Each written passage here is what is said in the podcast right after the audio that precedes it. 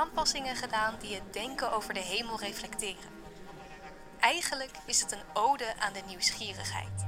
Vind je dat niet ook? Ze noemen hem de hemelschijf van Nebra.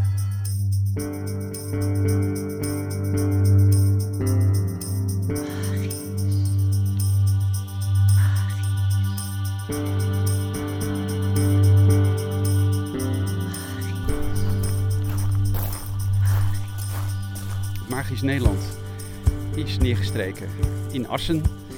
En wij lopen nu richting de ingang van het Drents Museum. En waarom gaan we naar het Drents Museum? Daar is de schijf van Nebra te zien. En de schijf van Nebra eh, is een van de belangrijkste archeologische eh, vondsten van de recente jaren eigenlijk. eh, gedaan in, in West-Europa. En wat is de Nebra-schijf? De Nebra-schijf is een bronzen schijf met goud bekleed. En het is een van de oudste, sorry, de oudste weergave van de nachtelijke hemel. En de schijf dateert ongeveer uit 1600 voor Christus. Het is een heel bijzonder object. Het is eh, normaal gesproken alleen te zien in een speciaal voor gebouwd gebouw in Duitsland. En hij is nu tijdelijk te zien in Assen. We lopen naar binnen. Beste luisteraars, voordat we het museum binnengaan, nog even het volgende.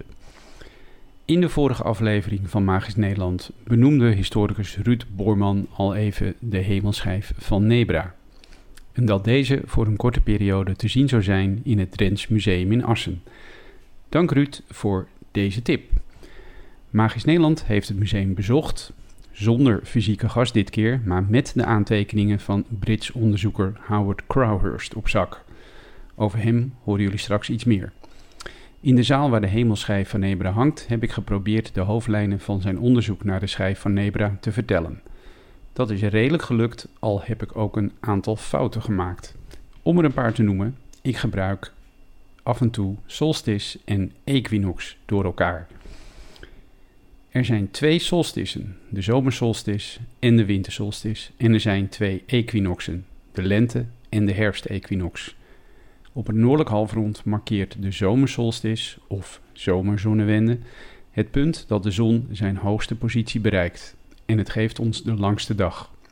Dit is circa 21 juni. De wintersolstice markeert de laagste positie en geeft ons de kortste dag. Dat is ongeveer op 21 december. Tijdens de lente- en herfstequinox, ongeveer 21 maart, 21 september, zijn dag en nacht exact even lang. Zoals gezegd haal ik deze een aantal keer door elkaar in de reportage die straks volgt. Bijvoorbeeld mijn excuses daarvoor. Daarnaast zullen jullie mij ook vaak Pleiades horen zeggen, terwijl we in het Nederlands Pleiaden zeggen. Dit komt omdat ik veel materiaal in het Engels lees en daar zegt men Pleiades. Vandaar. Dan gaan we nu het museum in.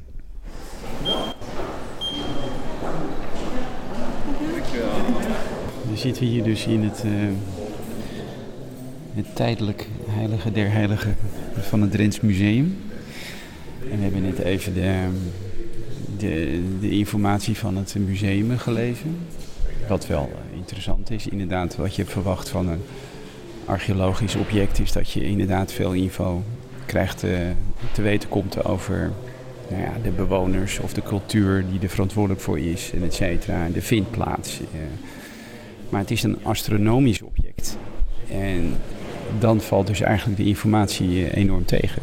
Dus ehm, verder dan de gouden cirkel is waarschijnlijk de volle maan en en het, het, andere is een kwartmaan en er zijn twee gouden bogen aan weerszijden waarvan er eentje is verdwenen in de loop der tijd. Nou oké, dat, dat, dat, daar lees je dan over, maar over de daadwerkelijke functie en, en hoe, dan, hè, hoe het gebruikt werd bijvoorbeeld, nou, daar kom je dan weer niks over te weten.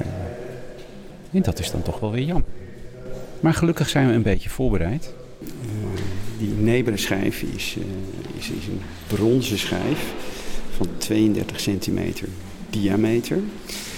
En wat meteen in het oog springt als je er naar kijkt, is, uh, is een gouden cirkel. De een zegt dat is de zon, de ander zegt de volle maan. Ook duidelijk te zien rechts daarvan is is een, ja, een, maan afgebeeld in het eerste kwartier. De Pleiades, die staan er iets boven, die zijn heel dominant. Het, het, de sterrengroep. En er is nog een, een weerszijde van de disc twee gouden bogen. Althans, het waren er twee. De linker die is de loop der tijd verdwenen. En onderop de disc is ook nog een boog te zien, een gouden boog. En dat noemen ze ook wel de boot of het schip. En tussen al die afbeeldingen in staan nog allemaal gouden punten. Dat, die zijn vermoedelijk, althans dat wordt gezegd, sterren. En er zijn ook nog rondom de hele buitenkant gaatjes. 39 in totaal. En, we horen helaas niets over de gaatjes, waar die voor zijn.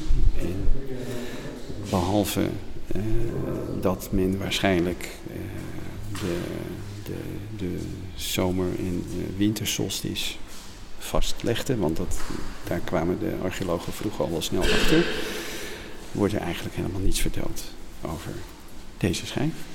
Dus er is met name een, uh, een Brits onderzoeker en zijn naam is Howard Crowhurst. Nou, hij woont al 26 jaar in Bretagne, in, in Frankrijk. En daar is hij gaan wonen om daar de menhirs en de megalieten te bestuderen. Daar staat het in Normandië, sorry, in Bretagne vol mee. en hij heeft heel erg, hij doet heel erg diepgaand onderzoek naar die, vooral hoe die stenen zijn gepositioneerd. Op, inderdaad op de zonnewendes en de, de wintersolstice en et cetera.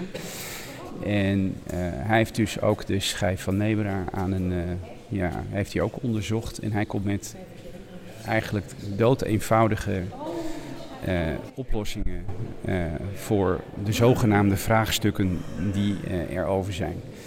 En dat is puur een kwestie van uh, meten. En meten is weten. En dat, uh, dat heeft hij dus uh, uitgebreid bestudeerd. En hij komt tot een hele interessante, ja, tot hele interessante conclusies over die schijf. Nou, kijk, waar ze wel, de, de archeologen wel al vroeger wel achter zijn gekomen, is inderdaad dat de schijf gebruikt kon worden om eh, om eh, de zonne en wintersolstice, om die te markeren. En uh, de solstice is eigenlijk het punt uh, in het jaar dat de zon op zijn hoogste of op zijn laagste punt staat. En hoe kwamen ze daarachter? Nou, dat, uh, daarvoor werden die bogen aan weerszijden van die schijf gebruikt. En het, het, als je naar kijkt naar de linkerboog, nou, die is dan verdwenen. Ik moet zeggen links en dan ga je ervan uit dat de schijf met de zogenaamde zonneboot aan de onderkant is. Maar de Pleiades staan erop. Maar de Pleiades is een, uh, is een sterrengroep in de zuidelijke, de, zuidelijke hemel. En zoals de schijf dus nu hangt, kijk je dus eigenlijk, als je naar de schijf kijkt, kijk je naar de zuidelijke hemel. En dat betekent dus dat zuid hangt boven uh, en oost hangt dus aan, aan, de linkerkant van de schijf. En dat is dan belangrijk voor die het vaststellen van, uh, van, de, van de solstices. Want daar gebruikten ze die boog voor en dan konden ze markeren. Uh, het hoogste punt, dat is dan 21 juni ongeveer.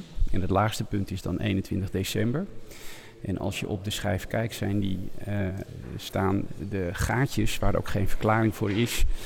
Er zijn dan negen gaatjes langs die boog. En ook aan de rechterkant heb je negen gaatjes. En dat houdt dan volgens die Crowhurst in dat uh, er een tijd van 20 dagen werd gebruikt.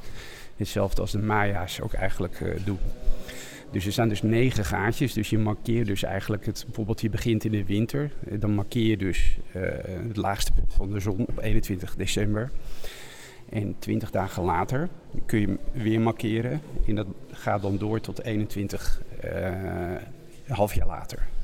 Nou, dat betekent dus negen gaatjes keer 20 dagen is 180. Dat is de helft, helft van een uh, heilig jaar, 360 dagen. Oude culturen hadden uh, een heilige kalender van 360 dagen. Je hebt dus twee bogen. Dat betekent dus dat ze één kant van de schijf uh, konden ze dus een half jaar markeren vanwege, door die solstice. die informatie was al bekend. Die hangt hier trouwens niet echt zo duidelijk aangegeven, vind ik. Ehm, en uh, dat hadden veel culturen. En die hadden, uh, die hadden ook die 360 dagen. En die hadden dan vijf dagen. Uh, daar kon je niks op doen, want dat waren ook ongeluksdagen.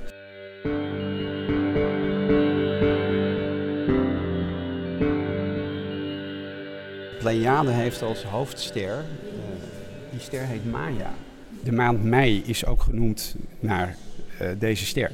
En ehm, Maya is dus, um, uh, is dus ook in het, de Keltische cultuur mm -hmm. ja, is, is zijn die Pleiaden belangrijk. Waarom? Omdat hij opkomt omstreeks mei. Ma dus, dus de Pleiades komen weer aan de hemel 40 dagen na de lente-equinox.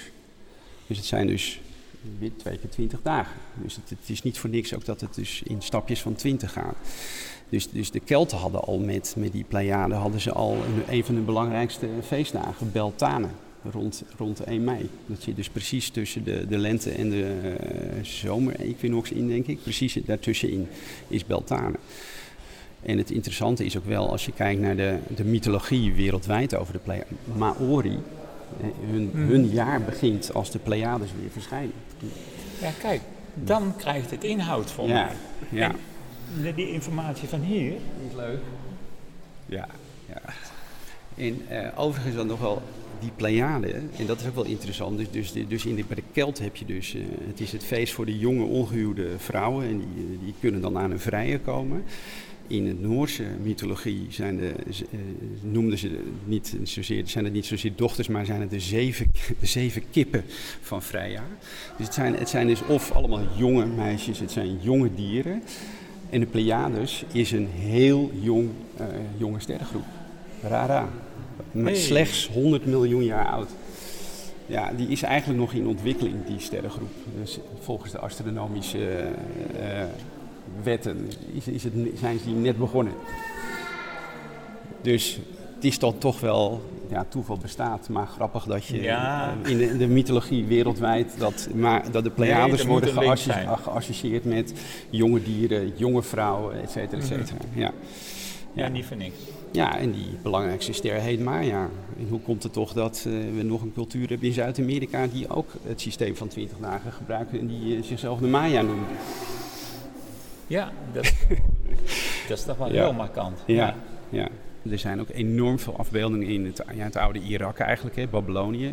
Maar waarvan men zegt dat daar de uh, astronomie uh, geboren is eigenlijk. Uh, het zou ook niks verbazen dat die Howard Crowhurst heeft ook een afbeelding van een kleitablet naar boven gehaald. Die de exacte weergave zoals deze Pleiades zijn.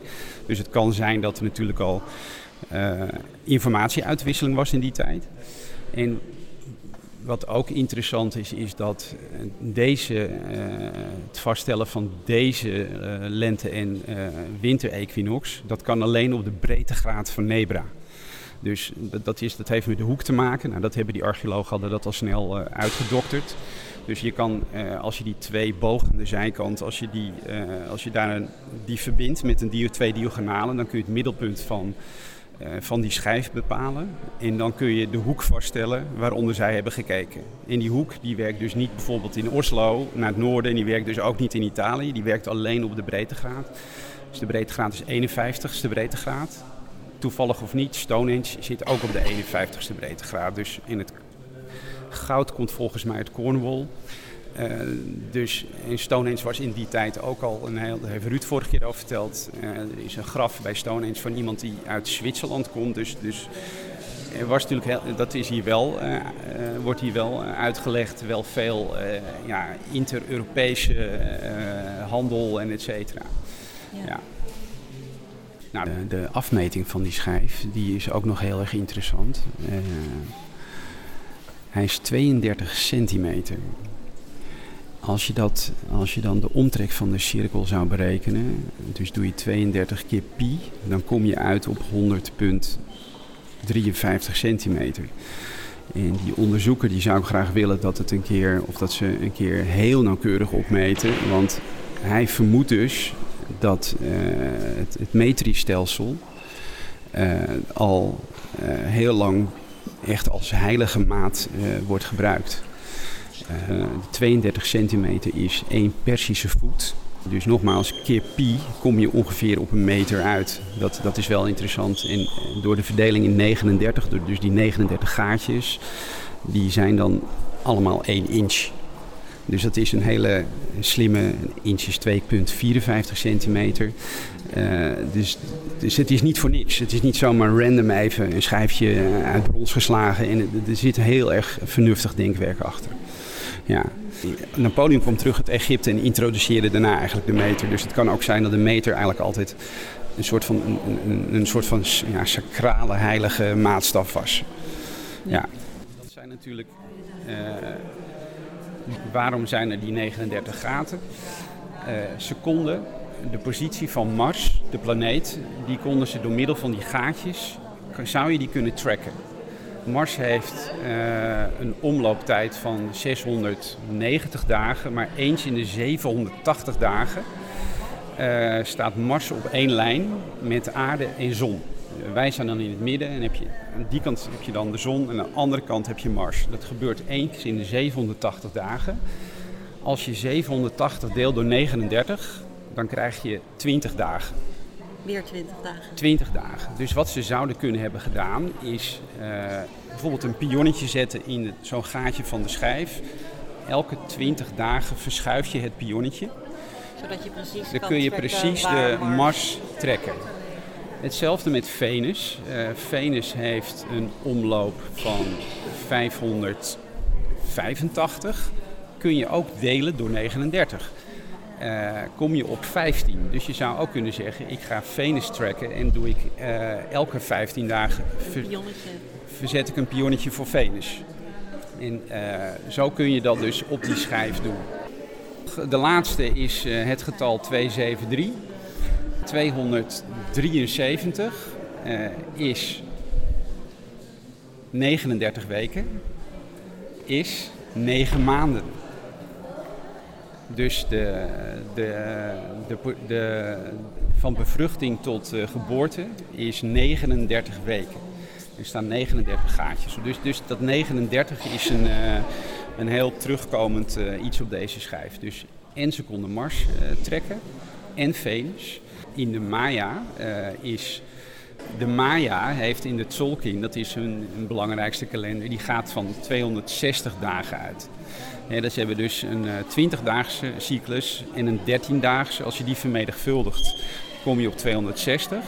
Dat is één Tzolk'in. Uh, tel je de 13 dagen bij op, dan kom je op 273. Ja. En 273 dagen, sorry, dat, niet 202, maar 273 dagen is 9 maanden is 39 weken. Dus Mars, Venus en die 39 weken. Wat Howard denkt dat deze schijf eh, voorstelt. En dit is gewoon een kwestie van deze, deze super intelligente mensen. Gewoon, die moeten ja, meer credits uh, krijgen hiervoor. Ja. ja. En wetenschappers zouden meer met elkaar moeten samenwerken. Meer uh, interdisciplinair te werk moeten gaan. En, is onlangs wel een uh, Nederlandse uh, dame die op Malta woont. En die heeft een boek geschreven over de Maltese tempels. En die is wel naar een astronoom gegaan om haar theorie uh, te testen. En die astronoom die heeft het voor haar uitgerekend. En dat klopt, dat, dat gaat over de positionering van de tempels op dat eiland. Nou, et cetera. Dus het vereist wat, wat geduld. Ja. Wat zegt u? Hoe zat het met Galileo? Ja, die arme man. Ik bedoel maar. Ja, wat dat betreft zijn we niet heel veel opgeschoten. we zijn op de goede weg. Hè? Ja.